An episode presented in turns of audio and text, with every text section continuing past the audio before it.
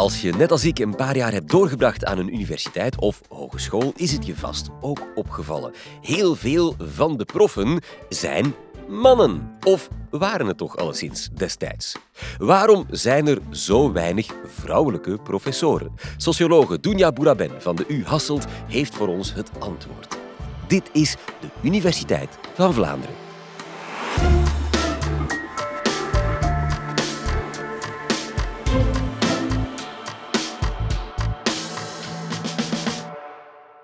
Dunja, welkom. Jij bent zelf postdoctoraal onderzoeker. Hoe is het onderwerp van die vrouwelijke docenten en professoren in jouw schoot terechtgekomen? Is het een persoonlijke bezorgdheid van jou? Wel, ik ben eigenlijk destijds gestart als onderwijsassistent en dat was in 2017. En dat was eigenlijk ook de periode waarin de MeToo-movement uh, aan de gang was. Ja. Um, en toen was er ook heel wat aan het gebeuren binnen de universiteit. Uh, ook heel wat vrouwenbewegingen die eigenlijk opgestart werden. En dan ben ik eigenlijk een beetje gaan zoeken van, bestaat daar eigenlijk al wat onderzoek over? En ik merkte meteen dat er eigenlijk ja, um, nog heel weinig over geweten was in Vlaanderen. En vandaar dat ik dan eigenlijk dat onderzoek ben gestart. En gelukkig maar. Gek ja. hè, dat dat nog niet, nog niet eerder gebeurd was. Eh, ja, hoe komt het, ik zal maar meteen met de deur in huis vallen, dat er zo weinig vrouwelijke proffen zijn? Want er zitten toch vrouwen aan onze universiteit en die studeren ook af. Mm -hmm. Wel, universiteiten spreken vandaag allemaal over die leaky pipeline. En dat verwijst eigenlijk naar het feit dat er steeds minder vrouwen uh, zitten in die hogere academische graden. En dat is inderdaad opvallend, omdat 55 procent van de afgestudeerde studenten aan de universiteit vrouwen zijn. Ah, kijk, ja. Dus hier zien we eigenlijk dat dat genderonevenwicht zich heeft gekeerd. Maar dan van zodra we naar de allerlaagste trap van die academische ladder kijken, dus eigenlijk op doctoraatsniveau, dan zien we eigenlijk weer dat er minder vrouwen aanwezig zijn en dus starten aan een doctoraat dan mannen. Nu, op dat niveau valt dat eigenlijk nog mee. Hè. Ongeveer 48 procent van de doctoraatstudenten zijn vrouwen. En de meeste blijven ook nog wel hangen na hun doctoraat hè, voor een postdoctoraal traject. Daar zien we ongeveer 46 procent van de vrouwen. Maar en nu komt het in die overgang van een postdoc naar eigenlijk het niveau van professoren. Daar zien we een heel dramatische uitval van vrouwenwetenschappers. En volgens de laatste cijfers um, zijn er slechts 29 procent van de professoren vrouw. Wauw, van 46 naar 29 in die stap. Dat is veel. Dat klopt. En dan is de vraag natuurlijk, ja, hoe komt het hè, dat er zo weinig uh, vrouwen doorstromen en professor worden? En een heel typisch argument is vaak, ja, vrouwen kiezen meer dan mannen om zorg te dragen voor hun familie, dat ze meer tijd zouden willen spenderen met hun familie, wat natuurlijk niet zo gemakkelijk uh, combineerbaar is met een job als academicus.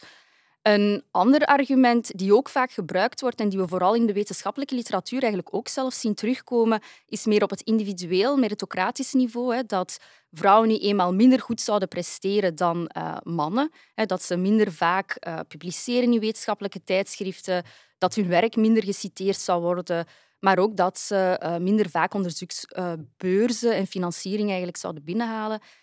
Maar als je alleen maar naar de prestatie gaat kijken van vrouwenwetenschappers, dan vergeet je wel iets heel belangrijks in jouw onderzoek. Hè. Uh, vooral eigenlijk het breder maatschappelijk kader van genderongelijkheid, waarin vrouwen botsen tegen verschillende barrières die het hen net moeilijker maakt om te kunnen presteren en net in die topposities terecht te komen. Over, over welke barrières heb je het dan? Waar botsen vrouwen tegenaan, waardoor het voor hen moeilijker is dan voor mannen om die uh, toplaag van de universiteit te bereiken? Zeg maar? Wel, ik denk dat het belangrijk is eerst te begrijpen dat de universiteit functioneert als een ongelijkheidsregime. En dat is eigenlijk een term uit de sociologie waarmee bedoeld wordt dat genderongelijkheid reeds ingebakken is in het functioneren van de organisatie. Dus in al zijn processen, al zijn procedures en activiteiten.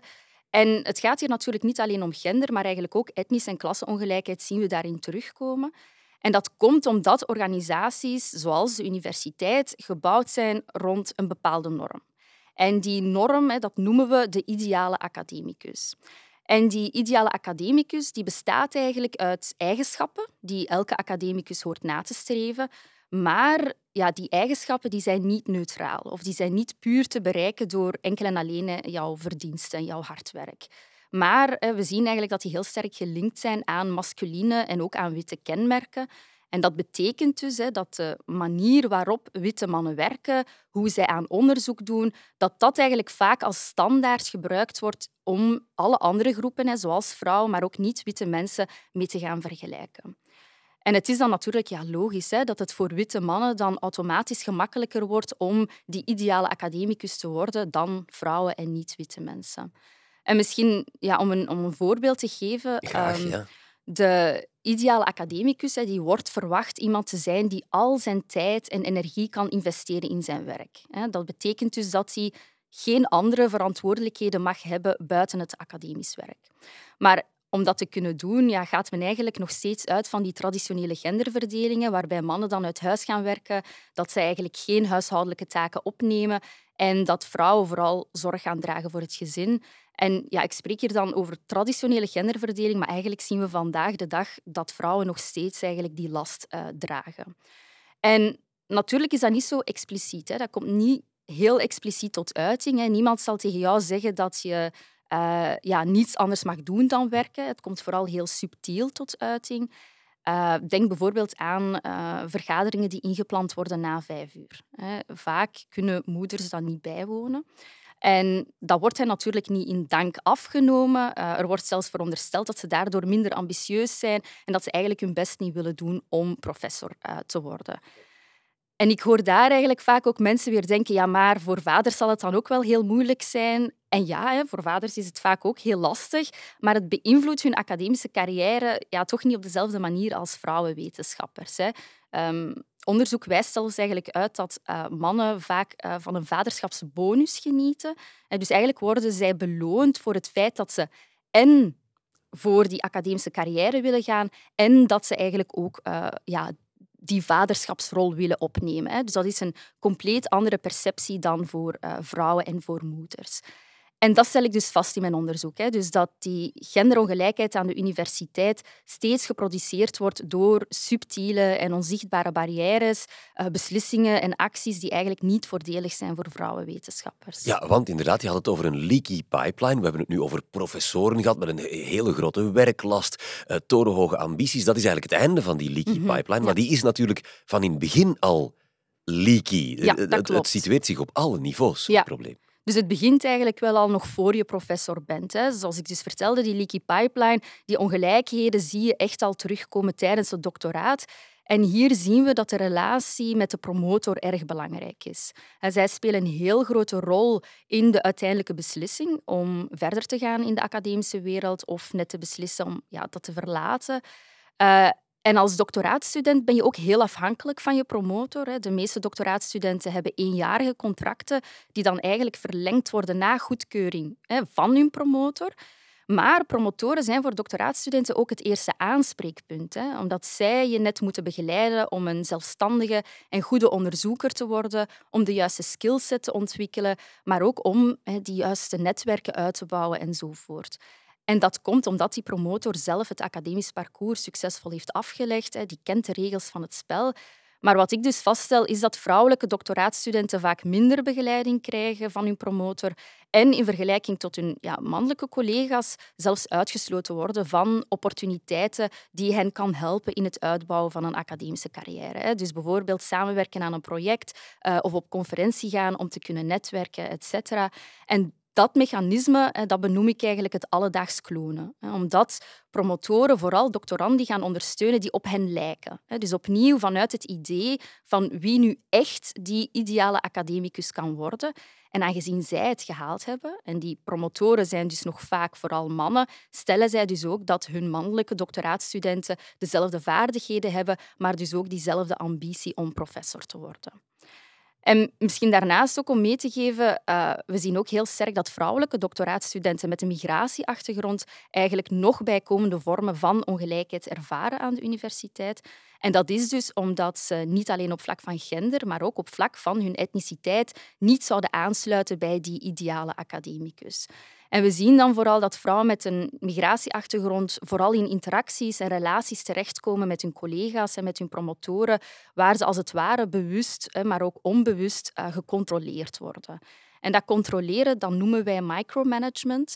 Uh, en we zien dat micromanagement um, ja, vooral op twee manieren tot uiting komt. Uh, eerst en vooral worden ze vooral gecontroleerd in termen van hun gedrag, hè, hun uh, kledingstijl, uh, hun uiterlijkheden. dus bijvoorbeeld, collega's stellen de manier waarop ze zich kleden constant in vraag. Van, ja, is dat iets cultureel? Is dat iets religieus? En er wordt dan van hen eigenlijk verwacht dat ze zich moeten verantwoorden voor de manier waarop dat ze zich kleden. En je zou zeggen, ja, dat is gewoon uit nieuwsgierigheid. Maar we moeten wel beseffen dat die vrouwen dat constant aangehoord krijgen. Um, en dat geeft natuurlijk wel die boodschap dat zij zich uh, tussen aanhalingstekens niet normaal kleden. En dus niet alleen hun kledij, maar eigenlijk gewoon wie ze zijn, wordt dan constant geproblematiseerd. En dan ten tweede worden ze ook sterk gemicromanaged in termen van het werk dat ze doen. Dus ze moeten vooral onder het toeziend oog van hun promotor werken, waarbij ze eigenlijk heel weinig vrijheid krijgen om hun ideeën, hun perspectieven eigenlijk in hun onderzoeksproject binnen te brengen. En dit gaat natuurlijk volledig in tegen dat ideaal van wetenschappelijke vrijheid, maar ook gewoon tegen het idee dat ja, het doctoraatstraject dient uh, om hen als zelfstandige onderzoekers op te leiden. Ja. dus er wordt eigenlijk niet echt geïnvesteerd om ja, hen voor te bereiden hè, in, in, een carrière als professor. Ongelooflijk. Dat zijn dus allemaal lekken in de pipeline. Ja. Dingen die jij in je onderzoek hebt vastgesteld. We zijn anno 2023. Het klinkt alsof de jaren 50 nooit zijn overgegaan. Hebben universiteiten daar nu geen beleid rond? Het wordt toch tijd dat dat in, in quota gegoten wordt. Bestaan die dan niet? Jawel, uh, sinds 2012 hebben Vlaamse universiteiten zich ingezet om eigenlijk die leaky pipeline tegen te houden. En dit kwam eigenlijk op vraag van de Europese Unie, die eigenlijk al twaalf jaar eerder aan de Europese universiteiten vroeg om een genderbeleid op te stellen. Uh, Vlaamse universiteiten kwamen pas op gang toen er een nieuwe maatregel werd opgelegd waarbij een genderbalans wordt verplicht in managementstructuren uh, van de universiteiten. En deze genderbalans verwacht eigenlijk een minimum van een derde van het ondervertegenwoordigd geslacht in die bestuursraden. En maar dat is dus nog op niveau van die bestuursraden, niet op niveau van professoren. Um, en in het afgelopen decennium zien we dat Vlaamse universiteiten een gender- en diversiteitsplan hebben uitgetekend. Ze hebben diversiteitskantoren met diversiteitsmedewerkers. Ze organiseren uh, gender- en diversiteitsweken om de thema's onder de aandacht te brengen. Er worden verschillende campagnes gevoerd rond topics zoals grensoverschrijdend gedrag. En dat geeft natuurlijk allemaal het signaal hè, dat universiteiten druk bezig lijken te zijn met het uittekenen van een genderbeleid. ik heb die lijken opgemerkt in je laatste zin. Dus er komt een maar. Ja, helaas, maar hè, dus het, het, beleid is onvoldoende effectief. Um, vrouwenwetenschappers aan de universiteit zijn teleurgesteld over het beleid. En zo zijn de plannen vaak nog veel te vaag. Men weet eigenlijk nog niet wat de universiteit nu echt wil bereiken. Um, en ze kaarten ook aan dat de echte problemen niet benoemd worden. Hè. Zoals dat er meer aandacht moet komen voor een familievriendelijke cultuur, waar niet alleen zij, maar ook hun mannencollega's, hè, die een rol als vader willen opnemen, dat ze eigenlijk hun werk kunnen blijven doen. Um, en ook blijft het beleid heel sterk uitgaan van een genderbalans. Hè, dat ze dat willen bereiken op alle academische niveaus. Maar een genderbalans bereiken, ja, dat betekent niet dat de cultuur aan de universiteiten gendervriendelijk of vrouwvriendelijk is geworden. En dat is ook wat deze vrouwenwetenschappers aangeven, hè, dat er geen aandacht gaat naar wat er misloopt op de dagelijkse werkvloer en dat we nood hebben aan een cultuuromslag. Dus de signalen eh, zijn er wel. Is daar dan geen meldpunt voor? Of is dat ook een van die organen die eigenlijk maar een doekje voor het bloeden zijn? Ja, dus elke Vlaamse universiteit heeft wel een meldpunt voor grensoverschrijdend gedrag. Bij deze meldpunten kunnen personeel en studenten terecht wanneer ze een melding willen maken over discriminatie, intimidatie, pesten, seksueel ongewenst gedrag, maar ook bijvoorbeeld verbale en fysieke agressie. Maar ja, je, je, voelt hem al aankomen. Deze meldpunten werken op dit moment ook nog niet naar behoren. Hè. Vrouwen krijgen niet de juiste ondersteuning. Er wordt met hen niet besproken wat ze met de melding zullen doen. Uh, en soms wordt er hen ook gevraagd om niet met de melding naar de politie te gaan, bijvoorbeeld. Ja. En ja, dan is het net alsof deze meldpunten er alleen maar zijn om aan de buitenwereld het idee te geven hè, dat de universiteit heel wat doet, maar intern komt daar dus weinig van in huis. Daar hebben we in de actualiteit recent inderdaad een paar voorbeelden van gezien. Zijn er oplossingen? Heb je daar ook over nagedacht na al deze vaststellingen in je onderzoek? Ja, zeker. Ehm, ik denk dat het belangrijkste volgens mij nu is dat universiteiten werken aan het doorbreken van die ideale academicus. Dus die witte masculine norm, daar moeten we eigenlijk vanaf. Want ook op dit moment is dat nog vrij onzichtbaar. Hè? Soms staat men daar eigenlijk niet bij stil dat witte mannen een streepje voor hebben om hun academische carrière uit te bouwen, enkel en alleen om wie ze zijn. En daarnaast hè, wil men dat hun gender- en diversiteitsbeleid werkt, ja, luister dan naar de groepen die het moeilijk hebben aan de universiteiten. Dus er moet meer bottom-up geluisterd worden. Eh, het is bijvoorbeeld niet mogelijk om de ervaringen van vrouwelijke academici uit exacte wetenschappen en van de sociale wetenschappen zomaar te gaan vergelijken. Dus er zijn ook duidelijke verschillen tussen departementen. Dus het beleid moet beter afgestemd worden en dat kan alleen maar als je hun stemmen en hun ideeën integreert. En ook ja, zolang dat de universiteit geen veilig klimaat biedt aan vrouwenwetenschappers, is het voor mij ook belangrijk dat zij uh, vrouwen de ruimte bieden om de strategieën die ze zelf opzetten te gebruiken. want dat zie ik ook in mijn onderzoek. Vrouwenwetenschappers organiseren soms zelf uh, van die safe spaces. En dat zijn dus ruimtes waar ze samenkomen en elkaar zowel professioneel als op persoonlijk vlak ondersteunen. En ze organiseren bijvoorbeeld schrijfruimtes, hè, waarbij dat ze zich dan kunnen focussen op het schrijven van hun onderzoek, zonder zich al te veel zorgen te moeten maken of dat ze weer aangesproken zullen worden om, om wat ze aan hebben. Uh, en ook eigenlijk zo het gebrek aan ondersteuning van promotoren te compenseren door mekaars werk te lezen en elkaar eigenlijk feedback en advies te geven. En op dit moment wordt dat nog te vaak tegengehouden. Heel wat uh, mannelijke collega's eigenlijk voelen zich dan uitgesloten omdat zij niet aan die schrijfdagen zouden mogen deelnemen. Maar die staan daar eigenlijk niet bij stil dat zij al alle andere ruimtes aan de universiteit innemen waar vrouwen zich uitgesloten voelen. Dus de universiteit moet de ontwikkeling van die safe spaces ondersteunen. Maar natuurlijk, het uiteindelijke doel is dat de hele universiteit een safe space wordt voor iedereen. We moeten de hand ook in eigen boezem durven steken. Wij zijn ook een universiteit, de Universiteit van Vlaanderen. We doen ons best. Ik weet niet of het halen, hè, die 50-50 verhouding mannen-vrouw. Ik zou eens moeten tellen. Is dat belangrijk dat we dat nastreven? Ja, ik denk dat het zeker belangrijk is dat zowel ja, vrouwen als mannenwetenschappers de mogelijkheid krijgen om hun onderzoek hieruit de doeken te doen. Zo kunnen we ja, dat stereotype doorbreken, hè, dat professoren er allemaal hetzelfde uitzien. Maar ook die vrouwenwetenschappers in jullie filmpjes, in jullie podcast, die dienen ook als rolmodel voor jongere meisjes die misschien later ook wel wetenschapper willen worden. En dan gaan we ze met open armen ontvangen. Dat is alvast beloofd. Dankjewel, Dunja Bouraben Dankjewel. van de U Hasselt. Vrouwelijke filmsterren hebben het dan weer net iets makkelijker dan vrouwelijke professoren, zo blijkt. Ze zorgden er zelfs voor dat Hollywood helemaal kon doorbreken destijds. Hoe dat verhaal juist ging, komt filmhistorica Anke Brouwers je vertellen in aflevering 111. Heel graag tot daar of tot een volgende keer.